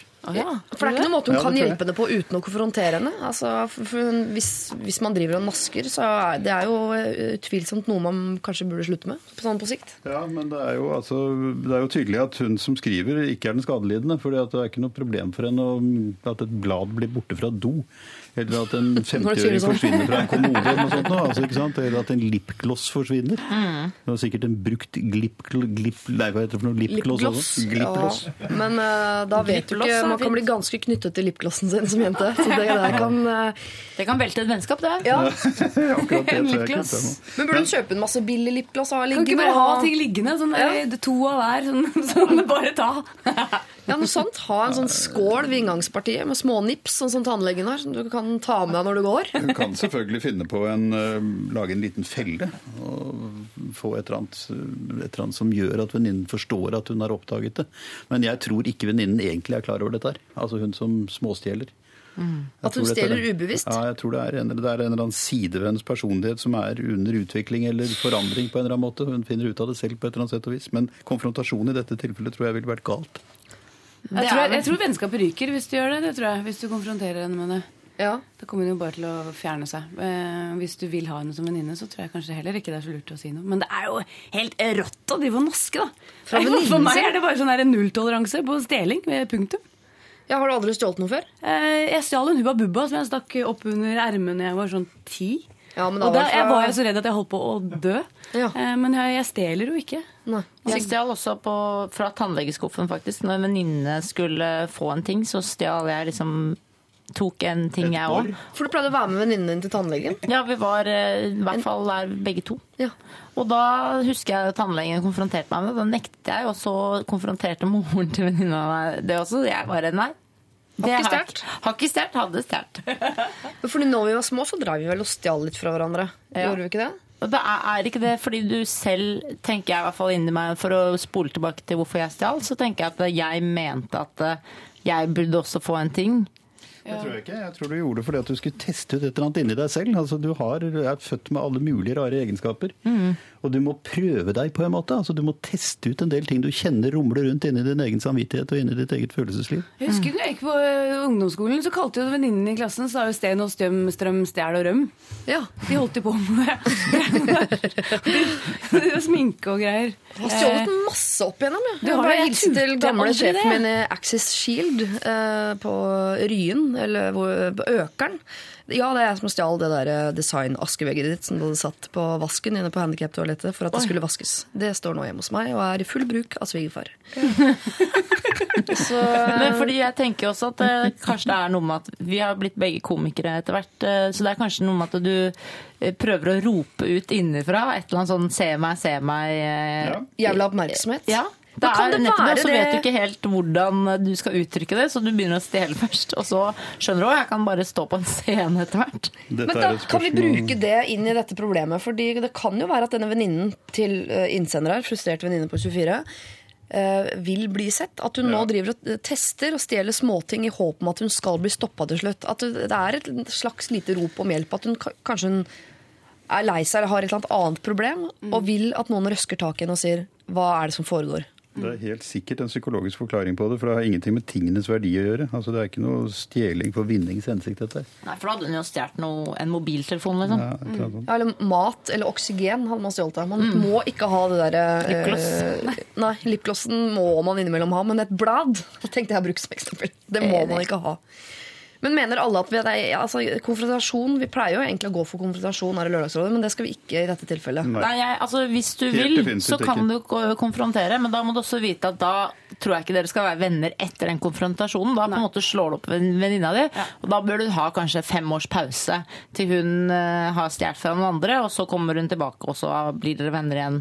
Men det, For jeg har en venninne som har også slått opp med en venninne som stjal fra henne, og da eh, hun stjal en hårtørrer eller noe sånt, og da bare ble det jo dårlig stemning. Og de er ikke venner lenger nå, men de kan jo bli venner etter hvert. Men kan man ikke ta det opp pent? Altså? Si sånn, Jeg er ikke sur for at du tar ting fra meg, men uh, har du et problem med norsking? Er dette noe du vil ha hjelp med? Er det noe du vil prate om? Ja, for, for det, hvordan, kan hvordan man kan man hjelpe henne da? Det er litt, man burde jo prøve å hjelpe henne, da, for hun Ja. har jo et problem. Men hvordan gjør man det? Kan man gå og snakke med andre venner rundt? Kan man, jeg vet da søren. Du skal vite veldig godt hva du gjør hvis du skal hjelpe henne ved å konfrontere henne med det, tror jeg. Ja. Jeg tror ikke du hjelper. Da må du ta psykologi grunnfag først. Ja, eller kan man arrangere sånn uh, møte med David Toska, eksempel? At det er en sånn uh, det her, Så galt kan det gå-aktig. Eller leie Nokas-filmen. Altså gjøre det, ta en sånn grep bare for å vise at ja, det, det, begynte med en, det begynte med en lipgloss. Og, så, og så ser man da hva som er den andre enden Du kjenner jo Toska fra barnsbenna, så Ja. begynte det med nasking. Han nasket lipgloss av meg veldig tidlig i vårt vennskap. Mm, sånn gikk det. Nei, øh, øh, hva sier vi her? Kristian sier ikke konfronter, la henne stjele. Altså, her har du, øh, jeg hører liksom at du har valget mellom å miste noen lipgloss i ny og ne, eller miste en venninne. Ja. Ja. Hvis du virkelig har lyst til å hjelpe henne, så får du finne en annen måte å hjelpe henne på, men det er antageligvis ikke via konfrontasjon, eh, men å hjelpe henne på en eller annen måte. Fisk etter å høre om hun har, at det er noe annet hun sliter med. Se øynene hennes, kanskje hun er lei seg, kanskje det er noe annet dere kan snakke om. Hvis du løser opp i det, så kanskje stjelingen også forsvinner. Jeg vet ikke. Jeg ville i hvert fall uh, begynt i den enden, og så uh, vil jeg gi deg et liten klapp på skulderen for at du er venninne med venninnen din til tross for at hun stjeler for deg. For det er mange som bare ville liksom lukka døra og ikke tenkt noe mer over det. Så Ja, det er allerede der så vil jeg legge til på frustrert venninne på 24. Frustrert og god venninne på 24. Helt enig. Lørdagsrådet på P3. Du har fått en uh, dubla Frank, som vi liker å kalle det. Først Frank Turner med 'Recovery', og så Frank Ocean sammen med JC Oceans. Skjønte du ikke det, eller? Dr. Jones. Jeg skjønte det nå. Skjønte. Du, jeg eh, hadde en mormor en gang. eh, Vi var ikke så veldig glad i hverandre. Likte broren min eh, best. Og det, sånn, det var alle klar over. Jeg var ikke så opptatt av henne heller. Syntes hun lukta kjøttkaker og var kjedelig. Så jeg dro til noe som het Frivillighetssentralen i Oslo. Eh, Og søkte om å få ny mormor. Eh, Det hadde de ikke. Eh, Altså, de hadde ikke mormødre liggende ute for, til låns eller leasing. Ikke engang til salgs. Men de syntes det var såpass uh, urovekkende og kanskje også litt søtt at en jente på sånn tolv kom egenhendig inn på kontoret og ba om å få en ny uh, mormor. Så hun, sjefen på kontoret hun sa 'jeg kan være mormoren din'. Og så ble hun det, da. Eh, I hvert fall et års tid var jeg besøkt henne annenhver helg i Drøbak, og det var kjempekoselig, det. Men så kom jeg puberteten, og da var det andre ting som var viktigere. For eksempel gutter, brevskriving. Men ikke hest. Dere vet. Uansett, alt dette foregikk mens min mormor var i live, og heldigvis for henne så uh, fikk hun aldri vite om det. Så det skal jeg ta meg med meg i min grav. Vi skal øh, over til en annen som også har øh, noe problemer med sin mormor. Men først så hører vi The Cardigans. Dette her er My Favorite Game. P3. Lilledattera til Sigrid sover, så vi dundrer videre med flere problemer her i Lørdagsrådet, mens roen ennå er eh, i rommet. Line Verndal er også her, og det er også Christian Borch, som fortsatt Jeg skal ikke nevne at han tegner, men han gjør det. Um, og vi skal over Tegner på samme eh, tegning, da, heldigvis. Han dekker over hver gang du snakker om det. det Nei, jeg bare sånn, plutselig, plutselig blir jeg konfrontert med noe som foregår helt sånn Men dere legger, dere legger ut de tegningene på Facebook-siden, eller hva det er? Hvis vi får lov av Christian Borch, så gjør vi det. Må de vi få lov til, Christian. Ja, vel. Velkommen til den sosiale verden. Alt må legges ut på Insta. På vår kunstblogg på Facebook. Eh, vi skal over til et eh, problem fra et landskap som vi ikke beveger oss i så ofte, men vi tar en tur eh, innom. Eh, jeg leser. I mange år har jeg hatt dårlig samvittighet for min fiendtlige holdning til min mormor da jeg var barn. Jeg har besøkt henne mye og hjulpet henne mye siden dette, men har strevd da med dårlig samvittighet hele veien. Jeg har ikke skjønt hvorfor jeg ikke likte henne som barn, siden hun er så koselig og omsorgsfull slik jeg opplever henne nå. For ikke lenge siden var jeg og min far på hyttetur, og han fortalte etter en del konjakk at hun ikke var til stede da jeg ble født. Hun hadde fått et nytt forhold med en mann og var ikke interessert i min mors nye barn. Dette var mamma veldig frustrert over. Etter at dette forholdet endte, flyttet mormor inn hos oss, til min fars store frustrasjon. Etter en stund ga min far min mor et ultimatum, hvor han sa at det ble enten min mormor eller han som flyttet ut. Og det endte med at mormor flyttet, og hun eh, har siden dette kommet innom og vasket, laget mat og passet på meg og min bror. Jeg tenker at det er dette jeg har plukket opp i min barndom og ført til min oppførsel. Jeg ser at hun har angret og har brukt 25 år på å gjøre det godt igjen, men jeg klarer ikke å komme over følelsen av dårlig samvittighet vekslet med bitterhet. Jeg er redd eh, rett og slett for at hun skal dø uten at jeg blir kvitt disse følelsene, og at jeg må slite med dette resten av livet. Så hva skal jeg gjøre for å gi slipp på disse tankene? Skjønner dere? Er, er, er han sur på henne enda? Jeg skjønte ikke helt det. Ja, han, var, hvert fall, han var sur på henne som barn, og tror nå han har skjønt hvorfor. Men han blir ikke kvitt da eh, først og fremst den, den dårlige samvittigheten over at han var så sur på henne som barn. Men han er jo fortsatt liksom enig med seg selv om at det var riktig å være sur på mormoren som barn. Uten at jeg helt, helt skjønner hvorfor. Han var ikke til stede under, under fødselen, men jeg håper han da mener altså i begynnelsen når han var spedbarn, ikke under selve fødselen, for det kan man ikke kreve. Nei. Men jeg tror jo det er fordi at eh, hun ikke var der, eh, og, og at mor har snakket sikkert da ganske stygt om sin egen mor, altså mormor. Eh, gjennom hele hans eh, tidlige barndom. Som da han har plukket opp selvfølgelig som signaler. Ja. For der har det vært dårlig stemning, og det er jo alltid veldig trist. Vi hadde også en skikkelig døv mormor. Hun var rett og slett eh, skikkelig sur, surfitte når, Ja. vi, når vi var eh, små. Vi likte ikke mormor i det hele tatt. Vi elsket bestefar. Så døde bestefar, og mormor ble eldre og eldre. Og mamma ringte hver søndag og sa du må komme hjem, for det kan hende mormor dør vet du, i morgen. Og vi dro hjem og spiste søndagsmiddag med mormor i 18 år, da, for hun døde jo aldri. så døde hun i 94, og da var hun så grei. Og på slutten så var hun Så det er sikkert det her som har skjedd her òg. Mormor er litt døv i starten, ikke sant? for hun er eh, bli mormor. kanskje hun er bare 60-70 år. Og det er ikke sånn veldig viktig for henne å være, følge opp så innmari Hun var i et nytt forhold, og stakkars hun må jo få lov til å leve sitt liv. Ja. Eh, mens mange barn krever veldig at du skal liksom følge opp barnebarna. Det kan man, mener jeg, egentlig ikke kreve så mye, for du skal følge opp dine egne barn. Ikke kreve at besteforeldre skal liksom være de som eh, tar seg av ungene. For jeg føler det er veldig mange som har det som et sånt inntrykk, at besteforeldre skal være helt fantastiske. Ja, at det er sånn, Nå har jeg føda, så mamma, nå må du stille opp. Ja, det- er sånn skal her det ikke være. jeg har tatt et valg på vegne av familien. for Ikke sant? Og det mener jeg de- skal få lov til å gjøre hva de vil. Men eh, For de har fulgt opp deg mest sannsynlig når du var liten. Ja. Og så, så er det jo da irriterende at eh, han går og føler på dette. Men hvis han har et godt forhold til mormoren sin, så kan han jo bare si jeg har så dårlig, liksom, det nager så innmari på meg den der, at det var liksom dårlig stemning mellom deg og mamma da jeg var liten. Eller så kan han bare la det gå, fordi hun er tydeligvis veldig kul nå. Ja. Og mm, la henne få lov til å være litt døv dame når, når han var liten. Ja. Nå, er han, nå er hun kul, så husk henne som kul. Det gjør vi med mormor. Vi digger mormor nå, liksom, selv om hun er død. da. Ja. Så sier vi mormor var så søt og fin dame, og så har vi på en måte lagt tilbake oss at hun var veldig streng og sur og rar begynnelsen der, ja. i begynnelsen. Ja. Men jeg skjønner ikke helt hva han vil, fordi han er sier jo at han liker henne nå. Ja. Eh, og hun er, hun er der og lager mat og ting og tang.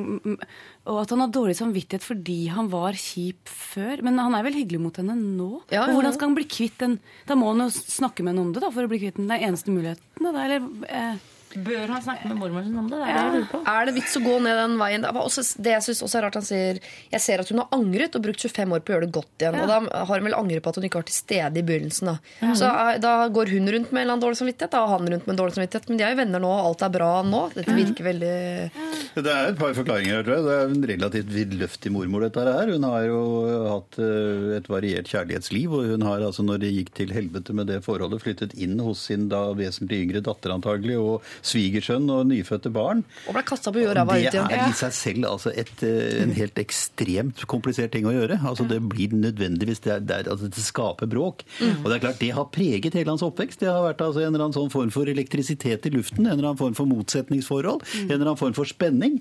Og det er klart det gjør barn usikre, og når barn blir usikre, så blir de aggete. Altså Ja. Da vil hun reagere med å være negativ mot mormor. Og så blir mormor da kanskje litt lei seg for dette, og så blir hun sur på barnebarnet, som er sur på henne, og så har hun en sånn eskaleringsprosess, ikke sant. Og egentlig er ingen av dem sånn, men det er altså et eller annet med livsførselen her som på en måte har kollidert. I forskjellige nivåer og har skapt motsetningsforhold osv. Så, videre, og så, videre. så jeg tror at, eh, at hvis han var en klok og fornuftig fyr, så ville han ta seg sammen og så ville han fortelle sin mormor om dette og be henne fortelle om sitt liv og forklare en del ting som da har ligget der og ulmet i hans, eh, hans underbevissthet, og så få dette her opp i dagen. For jeg syns denne mormoren høres ganske morsom ut, men Ja. sosialt sett ikke kanskje helt uh, med fingerspitzgefühl.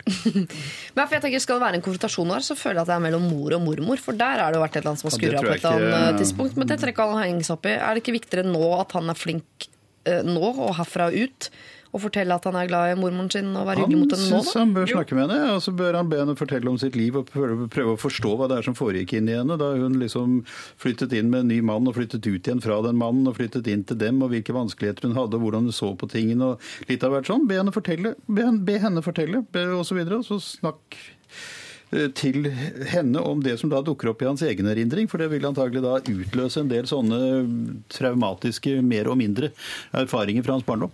Men må det legges fram som en konfrontasjon? Kan det ikke legges fram mer som en sånn Jeg er nysgjerrig på livet ditt. Ja, Ja, er kan du fortelle om de årene da du bodde hos oss? Oi! Konfrontasjoner bør prinsipielt stort sett unngås i alle situasjoner, tror jeg. Så dette her er ikke det jeg mener overhodet. Jeg mener at han må prate med henne, be henne fortelle. Altså få liksom det der episke elementet inn, hvor hun sitter og beretter om sitt liv og sine egne følelser og holdninger og hvilke konfliktsituasjoner som har vært der. For da vil han også se sine egne reaksjoner i et speil, på en måte.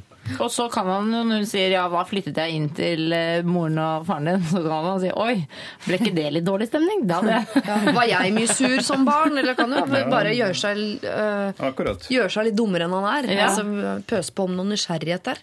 Lykke til. Og så syns det altså, Det er ikke for å gjøre seg dummere enn han er. Det er rett og slett for å få henne på glid, og få henne til å fortelle om noe som kan å si, fylle ut de bildene han har fra sin egen barndom, og hvorfor denne konflikten har oppstått i utgangspunktet. Fordi han vil bare gi slipp på disse tankene. Men jeg syns han virker som en fyr som tenker litt for mye også. For hvis ting er bra nå, så er det jo ikke noe han trenger å gå og bære på sånn veldig. Det der med at han var litt sur det- som barn. Unger er sure, de er trassige og altså, lojale mot sine foreldre. han, bærer, han bærer jo åpenbart på det. Altså, ellers hadde han jo ikke sendt dette brevet. Absolutt. Så det er jo helt klart, og derfor, derfor er det veldig viktig tror jeg, at han får disse tingene opp og ut i dagslys på en konverserende, enkel, uproblematisk måte. Ikke konfronterende. Alle elementene er her. Hyttetur er nevnt, konjakk er nevnt, mormor er nevnt. eh, Alt er nevnt. Altså mormor, hyttetur, konjakk, prating. Eh, og så er jeg helt sikker på at dere kommer godt ut av det på andre siden. Og Ikke for på mye det- konjakk, da. Nei, Ikke for mye av det. Fine nå er jo at du har en fin eh, mormor, og at dere har det fint sammen. Og hvis du da blir kvitt også den lille mørke perioden dere hadde da du var barn, eh, så blir dette her helt topp, det. Men eh, du skal også vite at mormødre er klar over at barnebarn er litt sånn vanskelig. For barn er litt vanskelig, og sånn er det bare. P3 Lørdagsrådet på P3. Eh, Kristian Borch er rådgiver i Lørdagsrådet i dag, sammen med Line Verndal og Sigrid Bonde Tusvik. Eh, Og vi har eh, tatt en del sånn kjærlighetsproblematikk eh, i dag, og vi skal ta ett til. Her er det med 'Jakten på kjærligheten', altså, fra en som heter Kine. Hei, jeg trenger noen gode råd. Det, det har seg nemlig sånn at jeg den siste tiden plutselig har blitt småforelska i en fyr jeg aldri har møtt. Jeg har, som de fleste andre, blitt mer og mer kresen med åra, men har ikke gitt opp trua på kjærligheten. Plutselig en dag på kafé med en venninne fortalte jeg om en artikkel jeg har lest, og det viser seg at uh, han er en kamerat av broren hennes. Hun begynner å fortelle om han, og jeg merker med en gang at det her er en fyr jeg kunne tenke meg å møte, men sier ikke noe til venninnen min. Når jeg kommer hjem, går jeg selvfølgelig og snoker han opp på Facebook. Og ja, han er absolutt min type. Så jeg tenkte ja, ja, ikke noe mer. Men så logger jeg meg på Sukker, og der er han igjen. Veldig god match. Problemet er at jeg absolutt ikke har lyst til å ta kontakt med han over nett. Jeg vil heller ikke si noe til venninnen min, ettersom jeg føler jeg har snoka for mye allerede. I tidligere forhold er det stort sett jeg som har sjekket og tatt initiativ, og har nå bestemt meg for at neste gang er det min tur til å bli sjekka opp. Så hvordan skal jeg få han til å tilfeldigvis finne meg? Andre mener jo at jeg skal ta kontakt over nett, men da blir det jo jeg som tar initiativ igjen, da. Og så er jeg jo ikke spesielt romantisk heller. Noen forslag? Altså Sukker, eh, bare, jeg regner med at de fleste har fått det med seg nå, er en datingside. Der legger man inn personalet om seg selv, og så kan man få opp hvem man er god match med. Så hun har fått beskjed om fra internett, altså daddy internett, om at dette her er en god match. Hun liker han der, og hun liker han på Facebook. Hun har lest en artikkel om han, liker han der, og liker han altså ut fra hva denne venninnen forteller om han. Og hun vil at han skal oppdage henne. Men hun vil ikke si noe til venninna si, så hun kan ikke bruke det heller på å finne ut av hvor han er og hvor han pleier å gå. og sånn heller. Nei, Hun ønsker å bli oppdaget tilfeldig, hun nå. Ja. Og det, det, vi må finne veien dit. Altså, Oppdaget tilfeldig via sukker? Ja, på Er sukker eller på gata. Hun vil, bare, hun, hun vil at det skal arrangeres et tilfeldig møte, men det er ingen som skal arrangere det. Det skal bare Ja, men skje. altså, Går man ikke på sukker fordi man er i ferd med å, å altså, Er ikke det en måte å arrangere et møte på? Jo, jo, det er jo det. da. Ja, men Hva, hva er da problemet? Jeg tror hun syns det er vanskelig fordi hun også har en link der ute i den eh, virkelige verden. Hun vil ikke ta Fordi hun initiativ, for hun er så lei kjenner av det. søstera til kameraten. Ja, men altså, Er hun på sukker, så har hun jo tatt et initiativ. og Det har jo han òg. Ja, helt enig. Ja. Ja, jeg også skjønner ikke altså, Ja, Jeg er tenker at dette er veldig dumt, fordi eh, jeg skjønner at hun vil bli sjekket opp, men nå er hun da tydeligvis en jente som liker å sjekke folk opp og ikke bli sjekka opp. Det vil si at eh, hun egentlig ikke har noen problemer med det, men liksom nå er det min til å bli, til å bli sjekka opp, og så har du funnet en skikkelig fyr som du mener er dødsbra for deg. Det er jo dritkult. Er du klar over hvor sjelden det skjer? Så da må man jo bare kaste seg rundt med en gang og, og sende det derre blunkesmilefjeset på Face, eller hva man gjør. For du kan sende sånn der 'skal vi ta en kaffe'-merke og sånn. Du kan jo sende det ham en bare beskjed. gjøre. Kan du ikke bare sende beskjed hvor hun sier at hun ikke liker å sjekke opp selv, så hun vil gjerne at han skal sjekke opp henne? Kan ikke du sjekke opp meg? Jo, men, altså, men det er jo stort sett det du gjør hvis du legger deg ut på en sånn datingside. Enig, du må bare si 'hallo, hva skjedde her'? Du og jeg er supermatch. Du, hvorfor sjekker du ikke meg opp? Og så er det ikke sånn at utdelt en bunke med noe kort som er sånn Så mange ganger skal du ta initiativ, så mange ganger er det noen andre skal ta Jeg- initiativ. jeg- Hvis du er en sånn som tar initiativ, så kommer det til å følge deg gjennom livet, og ikke prøve å late som noe annet. Du må bare ta initiativ. Det gjør jeg alltid. Det er alltid jeg som tar tak og sier hei, du. Ja, men ikke sant? Og det funker. Og så tok du tak i han svensken. Jeg tok han i hånda og dro han med meg og fortalte at jeg forelsket ham. liksom, rett og slett. Rett og hyggelig. Ja, ja. Ja. Og da var han det fra før, eller ble han det da? Da ble han det. han hadde ikke tenkt tanken, tror jeg. Å ja, nei, er det, å ja, er det mulig? Liksom. Ja, ikke sant? Ja. Man må ikke være... du må vekke dem, da. De, de, tør, de tør jo ikke. De, får Altså, du må bare få dem til å liksom Å ja, er du ja. Hva? Du må ta dem. Unnskyld. Kan du utdype det? Men det må ofte ha ting litt inn med. Altså. Nå har vi en veldig vis mann i studio ja. da, som har Ikke sagt deg, Kristian, men de andre. Alle alle de de andre. Men eh, altså, jeg tror at dette her er veldig enkel eh, måte å gjøre det på. Bare, for det første så burde hun bare skrive inn på Facebook at eh, hallo, vi har, jeg ser at vi har felles venner. Eh, Så hun trenger egentlig ikke å nevne det med sukker. Altså, fordi hun, hun Det er jo en kompis av venninnas bror, er det ikke det? Jo. Så da er det bare å skrive eh, at du får jo opp sånn derre Kanskje du kjenner den og den personen. Ja. Så kan du skrive du. Men nevnte, Dette er matte. nevnte du noe om en artikkel eh, som han hadde skrevet, da? eller? For det, det er jo en det kan, Var det noe sånt? Er han kjendis? Er det, er det Jarle Andøy vi snakker om? Ja, det er Jarle. Nei, eh, ja, det er en artikkel om han. Sikkert noe sånn, Kanskje det har vært i KK, en artikkel om folk på sukker. Eller, jeg, nå bare gjetter jeg. jeg. Kan du referere til det? da? Mm, det kan være ja, Ja. sånn L snakker med tre gutter som er single, bla, bla, bla. Ja. Ja. sånt. Men da, eh, dette høres jo ut som eh, de kommer til å bli sammen, og vi vil gjerne bli bedt i bryllupet. Ta initiativ. Men hvis hun er redd for å ta initiativ, jeg vil bare nevne det, eh, og vil liksom litt bort fra det, da. Eh, så er jo det å ta initiativ på Facebook Det er veldig å ta initiativ. Det er ganske på'n. Ja. Men så er det jo veldig riktig som Christian Borch sier, at hvis du er på sukker, så har du allerede tatt et initiativ. Da har du på en måte sagt fra til verden sånn Jeg er singel, på jakt etter særligheten. Det har du virkelig liksom skrevet med blokkbokstaver i panna. Så veien derfra til å sende en melding sånn Hei, vi er en god match. Aktig. Der er ikke liksom hoppet så stort. Jeg, jeg lurer på om det er sukker som er veien å gå her. Hei, jeg leste artikkel om deg, du virker som en spennende fyr. Jeg sender s- lillesøstera til eh, Knut, eller et eller annet. Uh, hva Skal vi ta en kaffe eller gå på amfibiemuseum, eller altså. Ja. Nok en gang sånn amfibiemuseum. Teknisk museum og amfibiemuseum. Altså, det er virkelig der kjærligheten blomstrer for Siri Kristiansen. Det er jo helt drøyt. ja, man bomber over en, eh, over en firfisle. Det er sånn er. Det sånn det er. Det reptil, altså, som gjør For det er reptilhjernen, selvfølgelig. Det er den som gjør at du blir forelsket i noen. Man føler seg veldig pen i reptilpark, for der er det mye, ugly, mye ting med slim og så videre, og hårete bein. Er det så enkelt at du skal si til eh, Kine vi kan ikke hjelpe deg med å ikke ta initiativ? Vi kan bare eh, sparke deg ganske hardt i initiativrumpa di og si at du er en initiativjente. Du må fortsette med å ta initiativ. Ja, altså, er, initiativet er allerede tatt. Ja. Ikke sant? Det er, ja. Og du har møtt en fyr du liker. Det sjekkes ofte, som Sigrid sier. Her er det bare å måke på og fortsette å ta initiativ. Det er fint at du tar initiativ. Fortsett med det, Kine. P3 Lørdagsrådet hører du på, og vi skal ta et eh, siste problem. Og vi holder oss på internett, som jo Vi har jo vært der nå eh, på sukker. Det var jo en liten tur. 1996, Ja. Og nå skal vi bevege oss videre inn på, på internett, over på YouTube. Line Verndal, Christian Borch og Sigrid Bondesvik, dere er eh, rådgivere, og nå er det Lars som trenger råd. Jeg trenger så enormt deres mening rundt et dilemma som går på hvorvidt det lønner seg å være ærlig eller unngå å fortelle sannheten. Dette har vi også vært gjennom i dag, så nå er jeg spent på, på hvilken side du havner, Kristian. Jeg har nemlig en gammel venn jeg har kjent lenge, men hatt sporadisk kontakt med de siste årene. I mange måneder nå har han lastet opp ekstremt pinlige videoer med seg selv i hovedrollen på YouTube. Innholdet er eh, et halvhjertet forsøk på humor og fiffige sprell som gjør at alt du ønsker når du ser disse videoene, er å omkomme. Ofte består videoene også av null og niks og ingenting. Meningsløs babling uten en idé eller en tanke. Og til tross for at antallet views kan telles på én hånd, stopper ikke vedkommende fra å annonsere ukentlig på Facebook at 'nå, folkens, er en ny video oppe, sjekk ut'!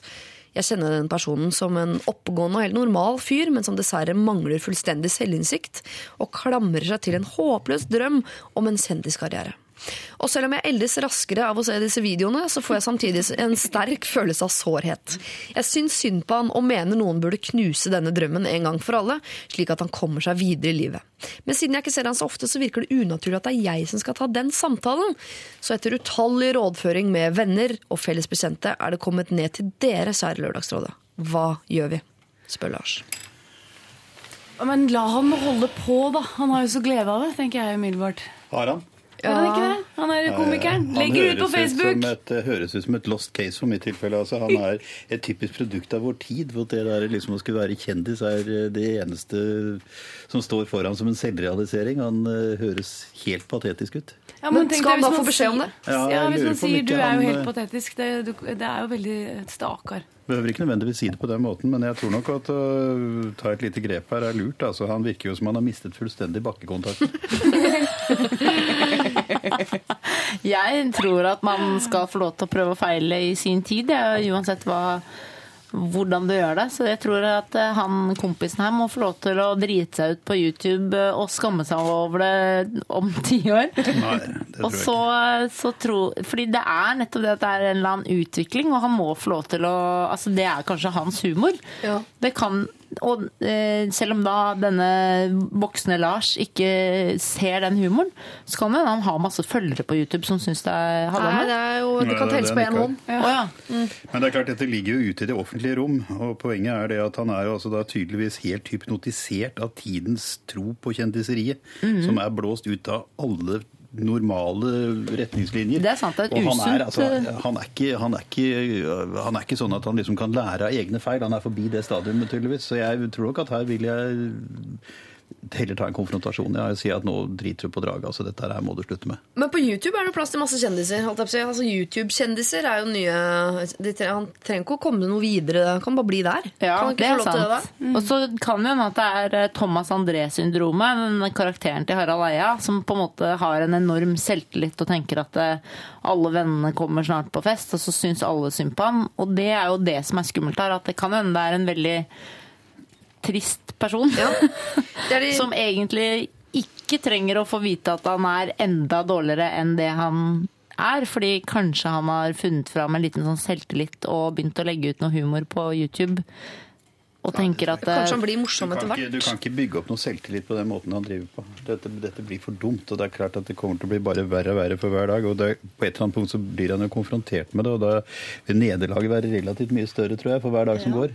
Så jeg tror nok han det. Bør... har jo seg eh, Men hvis vi skal tenke på han, da, denne eh, litt stakkars fyren ja, det, det, altså, De menneskene for, som jeg så er vanskeligst å forholde meg til, er folk uten, altså blottet for selvinnsikt. For det går ikke egentlig an å kommunisere med dem, for de skjønner jo ikke hva du uh, snakker om ofte.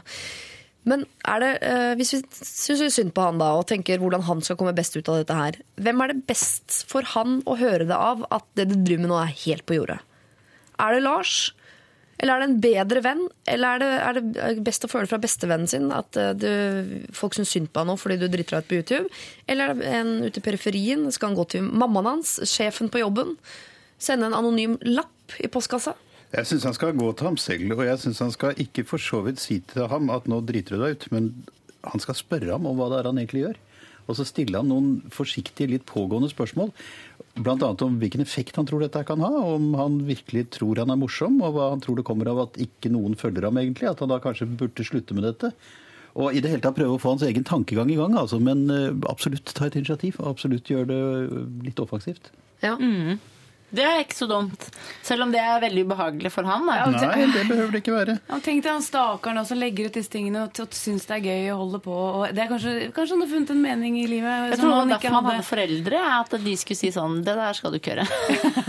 Han er kanskje for gammel til det. Men hvis Lars stiller disse spørsmålene, og svarene blir Ja, men eh, det er ikke så viktig for meg om noen ser det, for jeg syns det er gøy, og når jeg gjør det, så har jeg det morsomt. Skal han da få lov til å fortsette? Hvis du stiller spørsmål eh, og bruker spørsmålsmetoden når du skal konfrontere et problem, så setter du i gang en tankevirksomhet hos den personen du henvender deg til. Ja. Og den tankegangen kan du på mange måter styre for spørsmålenes form.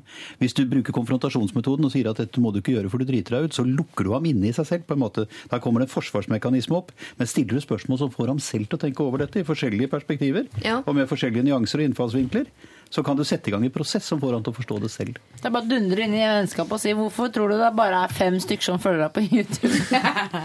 Men svaret kan, det kan jo være at denne gutten har mer selvinnsikt enn han får eh, kred for her. At han, han er klar over at ingen ser på, er klar over at ingen syns det er gøy, men han syns det er morsomt. Da må han få lov til å fortsette. Eller? Jo, det må man avgjøre selv uansett. Men spørsmålet er om han forstår hva han gjør, og det syns jeg det lyder som han ikke gjør. Problemet er jo også at det, det finnes tusenvis av sånne som han der ute på YouTube som har bare fem følgere, og som har dårlig humor. Som mange mener er dårlig humor. Ja. Som eh, jeg tror kanskje de selv mener er den nye humoren. Og der har vi et problem. For det er skummelt, for han tror han ligger ti år foran. At grunnen til at ingen ler av meg, er fordi dere har ikke forstått at det er dette Ikke som er gøy. Det er jo det eh, som er skummelt for folk uten selvinnsikt. At de ofte tror det er ikke meg det er noe galt med, det er alle de andre syv milliarder menneskene som ikke har forstått at det er jeg som er fasiten på dette som foregår akkurat her og nå.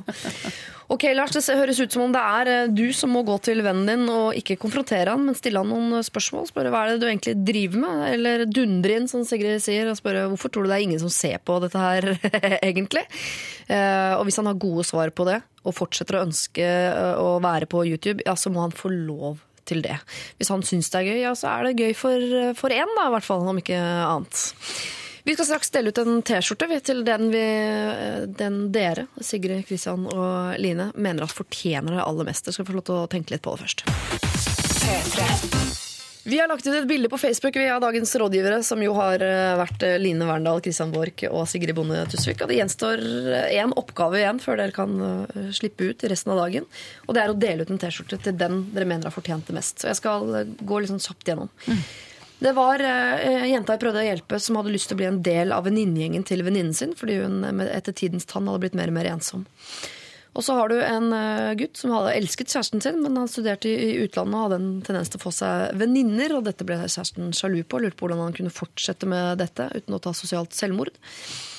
Eh, og så har du han da, som lurte på hva er egentlig en bra date. Han hadde møtt verdens beste dame, og han følte at hun fortjente verdens beste date, men han var litt usikker på hva det eventuelt kunne være da. Venninnen min nasker fra meg, er det en som sendte eh, inn, og syntes det var eh, vanskelig at det til stadighet forsvant lipgloss og blader fra do. Vanskelig tanke rundt min mormor. altså Denne eh, gutten som jo var litt sint på mormoren sin i ung alder, har nå i voksen alder skjønt hvorfor, og sliter litt med dårlig samvittighet overfor henne. Eh, og så har du da eh, denne jenta som vil at eh, det hun tror kan være drømmemannen, skal oppdage henne tilfeldig, og hun vil da slippe å oppsøke han hun er så lei av å være den som tar initiativ. Og til slutt litt internettproblematikk. YouTube-komikeren som Lars føler at trenger å høre at du er ikke så morsom heller på YouTube. En av disse skal få en T-skjorte. Eh, hvem føler du at fortjener det mest, Lina? Line? Eh, hun som har en naskevenninna. Så kan du legge den fram, den der T-skjorta på do. Så ser jeg om den Du Bare forsvinner. sende to T-skjorter, da, som Tun får den ene og den andre. Ja, men det er veldig god sånn pekepinn. Hvis den forsvinner, og hun plutselig har den på seg en dag, da må det være lov å påpeke at den T-skjorta der er da vitterlig min. Er den Og så forklare bakgrunnen. Ja, Så den T-skjorta der er det liksom bare én av, føler jeg, i vennegjengen. Og den var min, den ble borte, nå har du den på deg. Der er det lov å konfrontere. Ja, det er et godt forslag. Syns det. Nei, jeg vet ikke, jeg hadde tenkt å si han der med mormor, for der var det liksom en del sånne, sånne litt mer sånn generelle holdningsproblemer, tror jeg. Altså metoden ja, i det hele tatt, dette, Men jeg faller litt for den der ideen til Line. Altså, særlig, hvis, særlig hvis denne venninnen da rapperen tar den på seg, og så må hun forklare hvorfor hun overhodet fikk denne T-skjorten på forhånd. For. Da er det liksom, da er hele ja, Jeg lurer på om ikke jeg går inn for det òg. Jeg syns vi burde egentlig gitt det til eh, han eh, langdistansekjærestemannen som kunne gitt den til kjæresten sin, som sitter tydeligvis i Norge og ikke har noe gøy, og han har det dritfett med vin og kos i utlandet. Fy faen, for en kødd. Så de er, ikke noe, de er ikke noe fine, disse T-skjortene, skjønner jeg? jo da, men kan trøste seg med De er ikke figursydd, la meg si det sånn. Han må gi den til eh, hun dama si, Ja. som er plaster på såret for at han er på fest. Ja. Men eh, ja, jeg kan godt gå for Line sin eh, versjon for å gjøre det enkelt. For det er litt sånn dumt hvis dette her er det største problemet i løpet av Lørdagsrådet. Hvem skal få Det T-skjorte. er her det stopper opp. Det blir flaskehalsen i Nå gikk det alt til helvete. Da spør vi hele Christian. Hva skal vi gjøre? Christian kommer til å stille noen smarte spørsmål til oss for å sette i gang noen uh, Tankeprosesser. tankeprosesser Ja. rundt dette med T-skjortene. Det går i retning av, eh, av denne venninnen som har en venninne som nasker, altså. Naskemus! Altså, jeg syns jo det er noe fint i det også. Hun blir hele tiden fratatt ting, og nå får hun noe i posten. Ja. Altså, det er noe veldig fint, eh, rent sånn symbolsk i det, syns jeg, da. Enig. Blir en eh, lyserosa P3T-skjorte uh, til uh, venninnen som har en venninne som nasker lipgloss. Uh, initiativet kom fra Line. Kristian og Sigrid kastet seg på, og jeg er også helt enig at det er du som fortjener den T-skjorta i dag. Tusen takk for at dere kom, alle tre. Eh, ha en fortreffelig sensommer eh, videre. Takk. Og så ses vi Alltid, alltid hyggelig å kunne bidra til den alminnelige forvirring. Det ikke det? Eh, Og så håper jeg vi ses og høres utover høsten. Lørdagsrådet med Siri Kristiansen. På P3. P3. Imagine Dragons var det On Top of The World heter låta. Vi er ferdige for i dag, vi, i Lørdagsrådet. Vi har uh, tygd oss gjennom en uh, del uh, problemer, men vi orker da mer. Vi må bare ha en ukes pause først. Hvis ikke du trenger den ukespausen, så laster du ned podkasten nå i løpet av noen minutter. Skal den være klar. Og så kan du gjøre hva du vil med den i tida framover. Og så kan du sende inn problemene dine også. Hvis du har egne problemer, ikke bare liker å, meske deg med å høre på andres, da bruker du mailadresse lr-nrk.no. Og så minner jeg også om for tredje gang i dag at på tirsdag 20. august så er Lørdagsrådet live fra Chateau Neuf klokken eh, syv om kvelden, og du kan selvfølgelig være med som eh, publikum. Da kommer Steinar Sagen, Mia Hundvin og Christian Borch og skal løse en del eh, nye problemer. Takk til tekniker og produsent uh, Dr. Jones, eh, som er med som vanlig. Den egentlige kringkasteren. uh, straks skal vi få eh, Radioresepsjonen, altså eh, reprisering av Radioresepsjonen. Og eh, hvis ingen av rådene du har hørt i dag har funket, så funker alltid det som kommer nå. Dette er eh, Chocolate, The 1975s. P3 Dette er Lørdagsrådet på P3. P3. Hør flere podkaster på nrk.no podkast. P3.